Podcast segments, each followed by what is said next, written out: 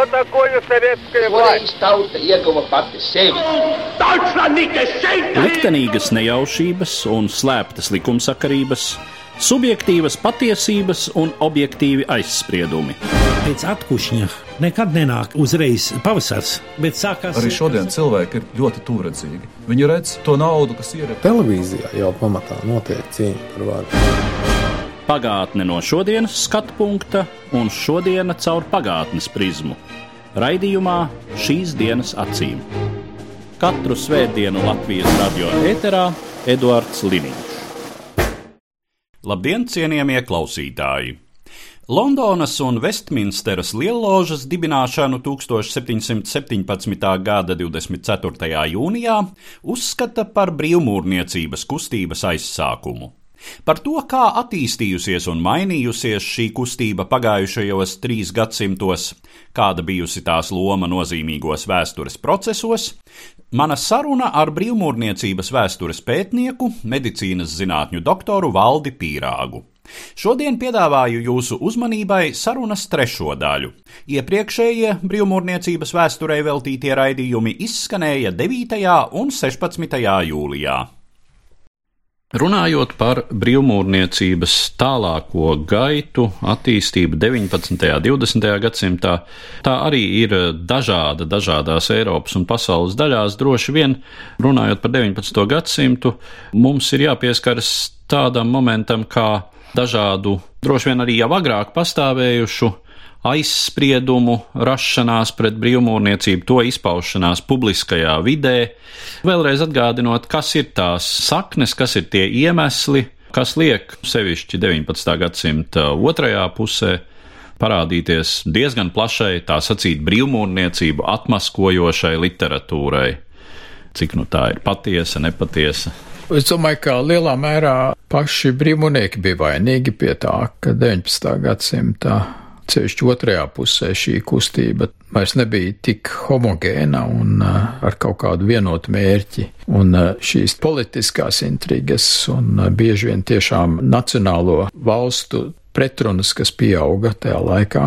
Un lielais 19. gadsimts noslēdzās ar Pirmo pasaules kāru 20. gadsimta sākumā, kas sagrāva iepriekšējo sabiedrības struktūru piemērs, kā brīvmūrnieki varbūt bija pie vainas, vislabāk izpaudās Amerikas Savienotās valstīs, jo tur bija periods, kad gandrīz visi ASV prezidenti piederēja pie brīvmūrnieku ložām. Un tad uh, gluži dabiski, kā oponenti tam politiski nepiekrita, un tas interesantais fakts ir, ka Amerikā kādu laiku pastāvēja oficiāli arī antimasoniskā partija. Neatceros vairs, kā bija precīzais nosaukums, bet viņu galvenā koncepcija bija, ka ir jāatmasko šīs brīvmanieku politiskās sazvērestības, kādēļ viņi spēja noturēties pie varas, arī mainoties formāli partijām no republikāņiem uz demokrātiem atpakaļ. Līdzīgi arī bija citās valstīs, arī Eiropā. Latvijas Amerikas fenomens ir vispār ļoti interesants, jo lielākā daļa neatkarīgo Dienvidamerikas un Centrālamerikas valstu ir tieši brīvmūrnieku veidotas, un viņi arī sākumā vadīja jaunās neatkarīgās valstis. Sašķeltajā Eiropā tur bija tā savstarpējā atmaskošanās.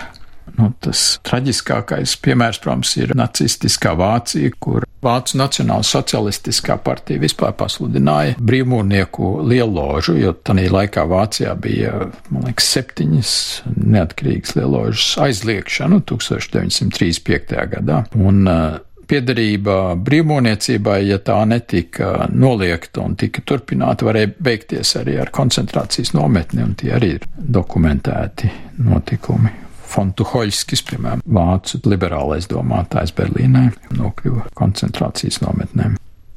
Par um, brīvmūrniecību Latvijā.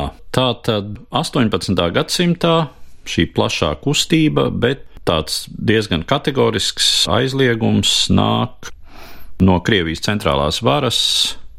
Jā, man liekas, 1822. gadā Aleksandrs I pilnīgi noteikti brīvmūrniecību redzēja savā valdīšanas beigu etapā kā varas apdraudējumu. Tam ir vairāki iemesli. Viens ir, ka brīvmonieku ložas pēc Napoleona kariem Krievijas impērijā patiesi atjaunojās neparasti lielā skaitā, un tas bija, kā mēs jau iepriekš runājam, tā kā brīvmoniecībā juku periods, kad zuda tā sākotnējā Anglijas lieloža dotā ideja par to, kā brīvmoniecībai jādarbojas, un tad eh, Krievijā kas bija lielā mērā arī suverēna teritorija, kas nevienmēr gāja tādā Eiropas garīgo kustību pavadā, bet pati ģenerēja dažādas alternatīvas lietas, arī kā mūsdienās tas ir vērojams. Tad uh, brīvmūniecībā Krievijā izvērtās par tādu mistrojumu starp ezotērismu, garīgo alķīmiju, apgaismību, piemēram, Novikovs, slavnais izdevējs, kura dēļ faktiski Katrīna otrā lielā mērā aizliedza brīvmūniecību, un politiskiem mērķiem. Dekabristu kustība. Mūsdienās varbūt uzskata, ka dekabristi bija tā kā vienota organizācija, bet tas tā nebija. Tā bija faktiski dažādu grupu veidota strāva, kas pati sadalījās ziemeļu un dienvidu strāvās. Tad tā dienvidu daļa bija visai radikāla politiski. Un šie pirmkārt vecie Napoleona karu virsnieki un jaunie cilvēki, ieskaitot uh, Aleksandru Puškinu, kurš arī tomēr brīvmonieku aprindām bija tūs. Šī protesta kustība noved pie tā, ka bija pilnīgi noteikti aicinājumi gāzt Aleksandru I. Līdzīgi kā tas bija Francijā vai Spānijā, piemēram, revidēt absolūtismu un, un padarīt uh, Krieviju par uh, konstitucionālu monarhiju. Kā mēs zinām, tas toreiz neizdevās. Bet tas nenozīmē, ka tās idejas nebija dzīvotspējīgas, un protesta kustība Krievijā plēnēja visu 19. gadsimtu līdz pat uh, 1905. gada Krievijas revolūcijai. Tur bija periods, kad bija masveidā terora ideoloģija, saucamā narodņiku kustība, kas izvērtās, piemēram, ar ķeizara Aleksandra II uzspridzināšanu karietē, bet tā nav brīvmūniecība, uzreiz teikšu.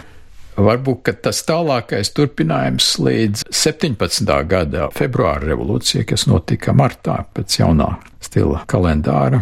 Tur pie vainas lielā mērā bija tomēr tas, ko varētu nosaukt par neregulāro brīvmūniecību. Tā bija tāda loža apvienība, kura pati 1912. gadā vasarā sevi nosauca par uh, Krievijas tautu lielo austrumu. Tradīcija saukt lieložu par lielajiem austrumiem nāk no Francijas, jo tad, kad viņi sanīdās ar Anglijas apvienoto lieložu, tad to pēc viņu pašu nosaukuma liberālo brīvmūniecību, jo tā vairs neprasīja saviem uh, piederīgajiem atzīt kristīgo ticību vai vispār ticību augstākai būtnei par priekšnosacījumu. Tāpat bija ložas, kas arī sievietes uzņēma, bet tas galvenais šķelšanās iemesls bija, ka franču brīvmūniecības atzars, jeb neregulārā brīvmūniecība, kļuva ļoti politizēta. Un Francijā visu laiku bija revolūcijas vien pēc otras 19. gadsimtā līdz pat Parīzes komunai.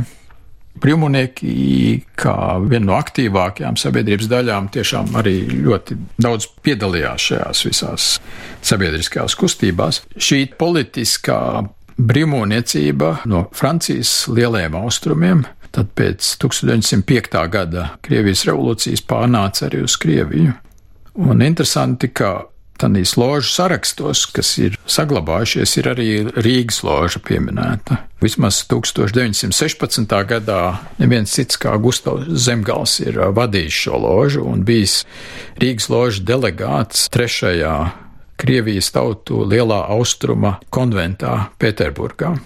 Vēl interesants fakts, ka arī Mihails Gruševskis, jeb tagad jāsaka ukrainiski Mihailo Hruševskis, kas tiek uzskatīts par Ukrainas modernās nacionālās idejas ciltstēvu. Mihails Gruševskis bija tieši tas, kas ir dokumentēts, ir um, panācis to, lai šo brīvmonieku lieložu nosaukt tieši par Krievijas tautu, nevis par Krievijas lielajiem austrumiem. Viņš bija viens no vadītājiem tajā laikā un uh, no Kievas pārstāvis un nobloķēja to Lielkrievu promotēto nosaukumu par tādu jau savādāku.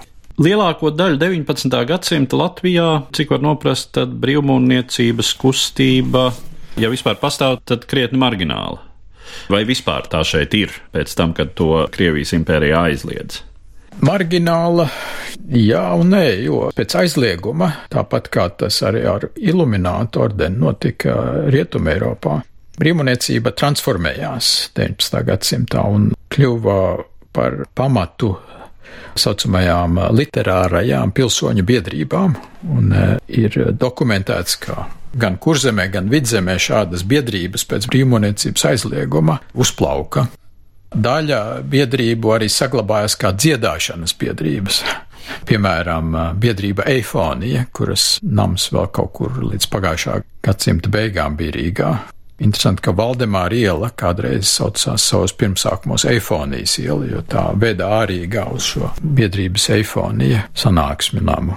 Diezgan daudz ietekmīgi Rīgas patricieši īsnībā bija ārzemju lieloži, galvenokārt Vācijas konkrēti Prūsijas lieložas ložu piedarīgie, ir ļoti stiprā, piemēram, Mēmeles, jeb tagad Klaipēdas ložas Memfisa ietekme uz Liepājas brīvmūniekiem. Un vispār tie kuģinieki, kapteiņi un rēderi tajā laikā brīvi pārvietojās pa visiem ūdeņiem, un Rīga bija milzīga faktiski osta, Krievijas impērijas ziemeļu vārti. Tā kā kaut vai pēc tiem simboliem uz Rīgas bagātāko šo patriciešu namiem var redzēt, ka viņiem ir brīvmuniecības simboli bijuši diezgan pievilcīgi. Protams, tur ir arī amatnieku simboli, kas caurvījās ar brīvmonieku simboliem, bet tas, ka pie mums viņu ir krietni vairāk nekā jebkurā citā pilsētā uz nama fasādēm, tas arī fakts. Acīm redzot, 19. gadsimts, arī jau piesauktais Gustavs Zemgala piemērs to liecina 19. gadsimta nogale un 20. gadsimta sākums, tad ir tas laiks, kad parādās kādi latviešu izcelsmes brīvmūrnieki. Tad droši vien mums ir jārunā par tādu latvisku brīvmūrniecības kustību, sākot jau ar valstiskuma nodibināšanu, tātad tie ir 20. gadi. Jā, Tā ir loža Jāņuguns. Pats nosaukums jau ir ļoti latvisks. Man liekas, ka arī to Gustavu Zemgala vadīto ložu iespējams sauc Jāņuguns, bet tas nav dokumentāli apstiprināts.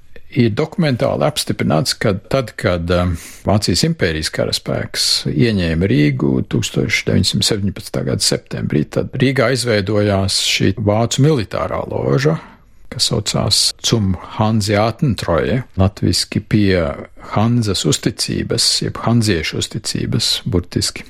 Nu, un pie tās ložas piederēja tie Rīgas patricieši, kopā ar uh, vācu virsniekiem. Un uh, bija periods, kad uh, likās, ka Vācija tiešām ir gandrīz uzvarējusi Pirmo pasaules karu, un ļoti ātri notika šī ģermanizācija, cevišķi jau kurzemes ģermanizācija, pārvācošanas mēģinājumi bet arī Rīgā to pašu var redzēt. Un tad ir šis Brestas, ja Brestļitovs, kas tajā laikā miera līgums, kurā Krievija oficiāli arī atsakās gan no kurzemes, gan arī pēc tam no vidzemes. Strīdīgs jautājums, vai atsacījās arī no Latgales, bet Latgale jau vismaz no Padomju Krievijas puses bija atzīta kā vidzemes guberņas sastāvdaļa, atvienot no Viķepskas guberņas, un trīs apriņķi pārgāja vidzemes guberņā pēc tam, kad Igauņu apriņķi atdalījās no vidzemes guberņas 1917. gadā. Par latviskumu šķiet, ka tajā laikā bija mēģinājumi, kad Latvijas republika nodibinājās atkal restartēt Latvijas sabiedrību, un tajā laikā bija ļoti stipras arī vācu baltiešu minoritātes tiesības, un ekonomiskā vāra vēl ar vienu bija vācu baltiešu un ebreju uzņēmēju rokās.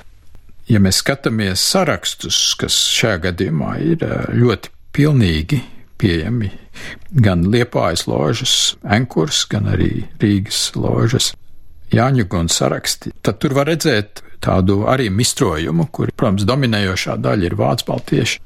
Vilhelms Reimers ir vadītājs šai Jāņu Gunslošai, pēc tam pēc viņa nākamais ir Oskars Jakšs, arī no patriciešu jakšu dzimtas, bet arī, piemēram, Adolfs Kaktiņš, slavenais operdziedātājs, arī Jānis Andersons, kas bija Rīgas pilsētas galva. Starp citu, pirms viņa Gustavs Zemgals bija Rīgas pilsētas galva, ko iecēla Kerenska valdība, tātad Krievijas pagaidu valdība, kas bija dominējoši Krievijas tautu lielā austruma kontrolē. Tā kā visi, kurus varbūt tajā laikā Krievijas pagaidu valdība iecēla, lielā mērā varēja būt arī brīvmūnieki. Pie ieceltajiem jāmin uzreiz Andrejs Krastkalns, Andrejs Kraskalns vispār ir ļoti interesanta personība, jaunlatviešu un pēc tam Rīgas latviešu biedrība un konservatīvais latviešu sabiedrības spāns. Pirms tam interesanti, ka Krastkalns ir arī aktīvi darbojies Maskavā, viņš ir bijis Maskavas universitātes studentu korporācijas fraternita Moskoviensis vadītājs. 1917. gadā, kā jau minēju, viņi iecēla par eh, vidzemes guberņas komisāru, un viņa vietnieks bija Gustavs Zemgals. Par kurzemes guberņas komisāru pagaidu valdību iecēlā Jāni Čaksti, kurš arī bija no Maskavas universitātes šīm studentu aprindām. Tā kā tur var redzēt dažādas sakarības. Pēc viņa bija Andrejs Prietkauns, kura vietnieks savukārt bija Kārlis Ulmanis pagaidu valdības laikā. Dokumentāli mēs neko nezinām, bet šis tas variants, ka mēs varam mēģināt kaut kādas konspirācijas aiz tā visa arī saskatīt. Kas vēl bija Rīgas ložā Jāņu Guns? Man liekas, Pēters Ozoliņš, kas bija diezgan ievērojams teātra režisors tajā laikā. Un tad bija saucamā Stokholmas brīvmonieku grupa, kas izveidojās kā alternatīva visumā vāciskajai Jāņu Gunsložai Rīgā. Un uh, tur vairāk vai mazāk tas iniciators un vadītājs bija um, Kārlis Reinholds Zariņš, kurš bija viens no ievērojamākajiem latviešu diplomātiem pēc Zikfrīda Annas Meirovicas nāves 1928. gadā.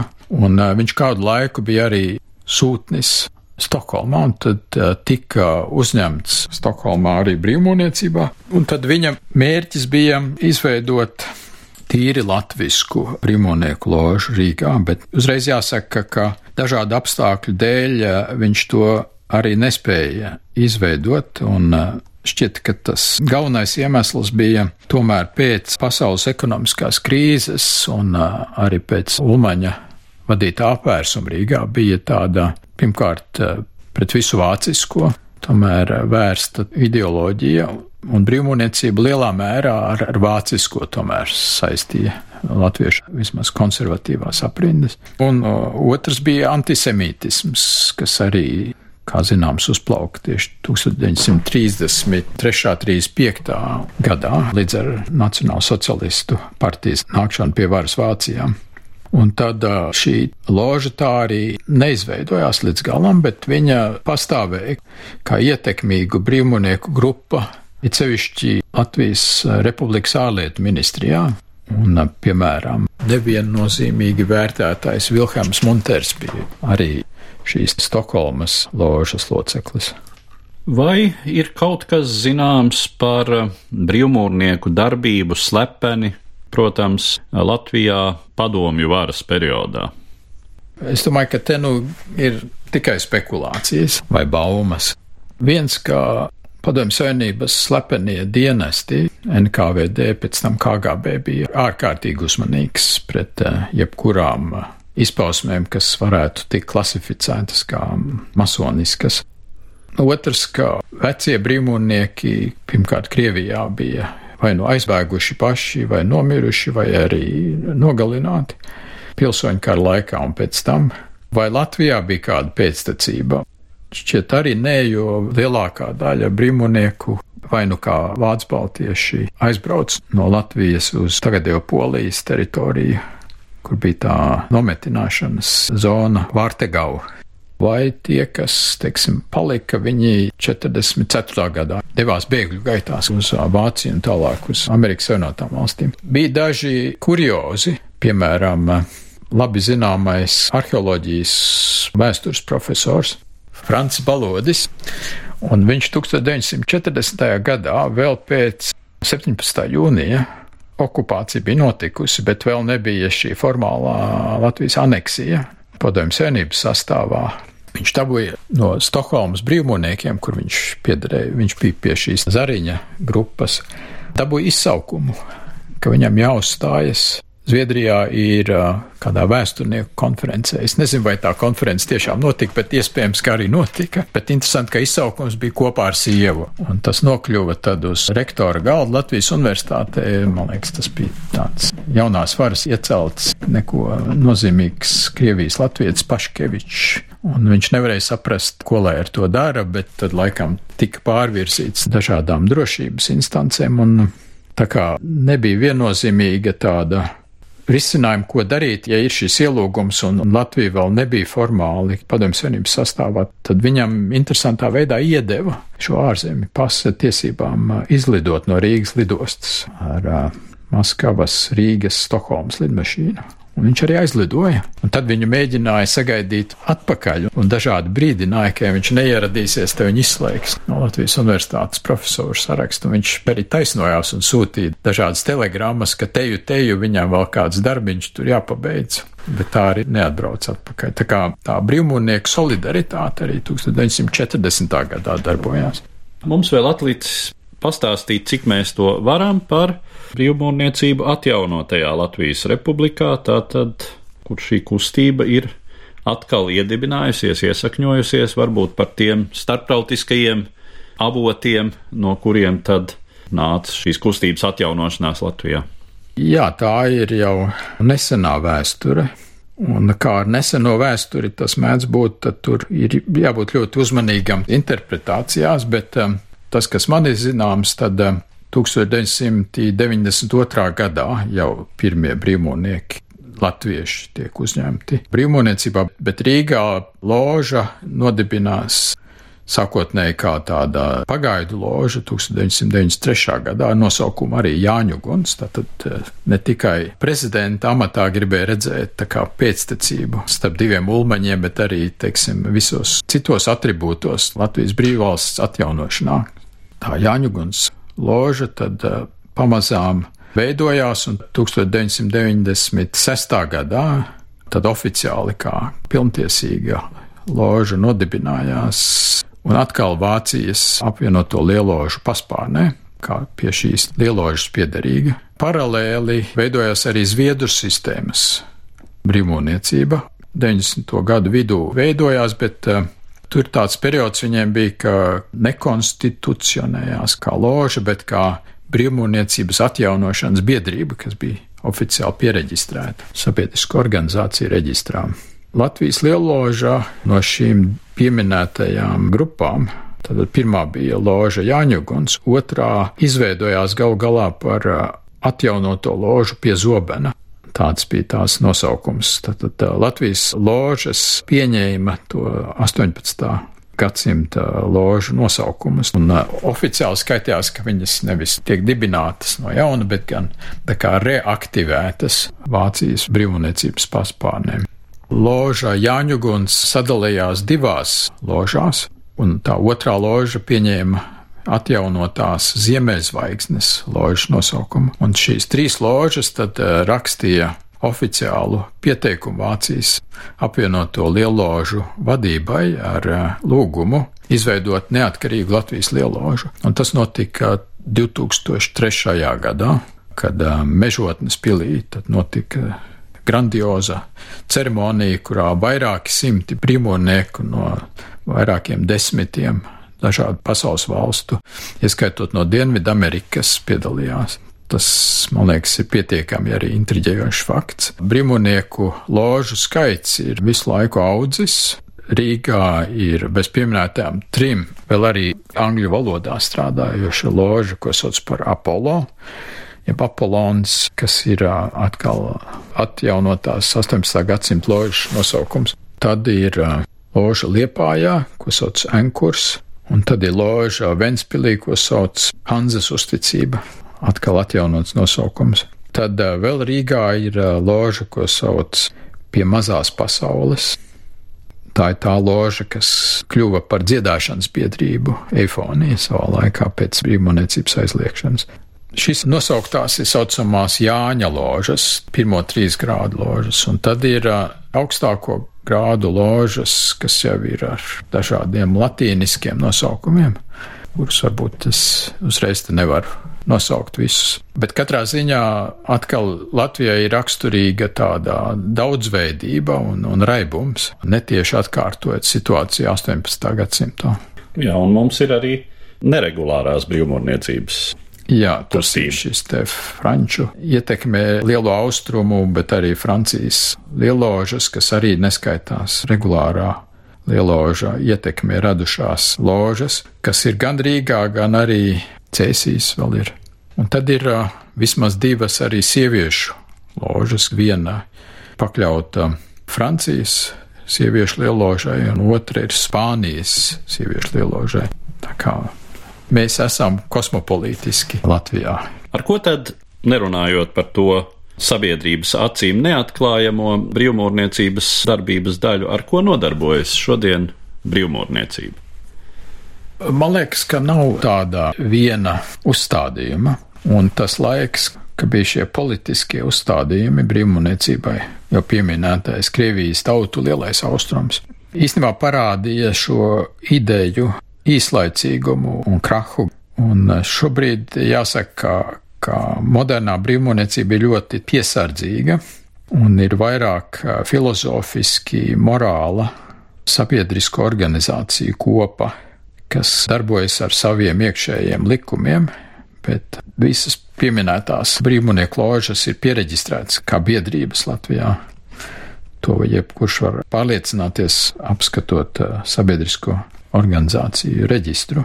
Pašu brīvmūrnieku formulējums ir, ka brīvmūrniecības sūtība, kas ir saglabājusies no daudz senākiem laikiem, ir veidot pilnīgāku sabiedrību, pārveidot, ja palīdzēt īstenībā pārveidoties cilvēkiem, kas cenšas kļūt labāki un izprast varbūt labāk ko nozīmē cilvēcība, ko nozīmē brālība mūsdienās, ko nozīmē cilvēka mīlestība un gal galā, ko nozīmē patiesība. Tie ir eh, tādi filozofiski termini, bet uh, brīvmūniecība tieši šobrīd ar to nodarbojas, kā šī mūsdienu cilvēces attīstības periodā, kas ir eh, globalizācija un uh, informācijas troksnis lielā mērā, tomēr saglabāt kādu tradicionālu pēctecību un uh, Brīvmūniecība vispār mūsdienās ir uh, gan konservatīva, gan progresīva kustība. Konservatīva tajā, ka ir uh, šī pietāte pret vēsturisko tradīciju, kas ir ļoti spēcīga un uh, izpaužās tieši brīvmūnieku rituālos un šīs abstraktajās mācībās. Otrs ir šī labdarība, sabiedriskā darbošanās, piemēram, Amerikas Savienotās valstīs ir tāda šraineru kustība, kas ir brīvmunieku atzars, kas, piemēram, uztur bērnu slimnīcas un ir viena no lielākajām sabiedrisko donoru organizācijām. Tātad šādi lieli labdarības projekti ir tie, kā brīvniecība izpaužās uz ārpusi. Uz iekšpusi, kā minēju, ir šī iekšējā ētiskā mācība, kā arī nobriedis cilvēks var kļūt vēl labāks, ja viņš izprot pasauli. Ne tikai šīs dienas geogrāfiskajā, varbūt dimensijā, telpiskā dimensijā, bet arī laika dimensijā, no neatminamiem laikiem līdz neaprakstāmajai nākotnē. Un ja šādu gudrību var iegūt brīvmūniecībā, tad tā būtu droši vien ideāla kustība, ja nebūtu pašu brīvmūnieku. Ar tādu secinājumu tad es arī gribētu noslēgt mūsu sarunu virkni, kas bija veltīta brīvmūrniecības trīs gadsimtiem, un es saku paldies manam sarunbiedram, medicīnas zinātņu doktoram Valdim Pīrāgam. Paldies! Katru svētdienu Latvijas radio viens par pagātni sarunājas Eduards Liniņš.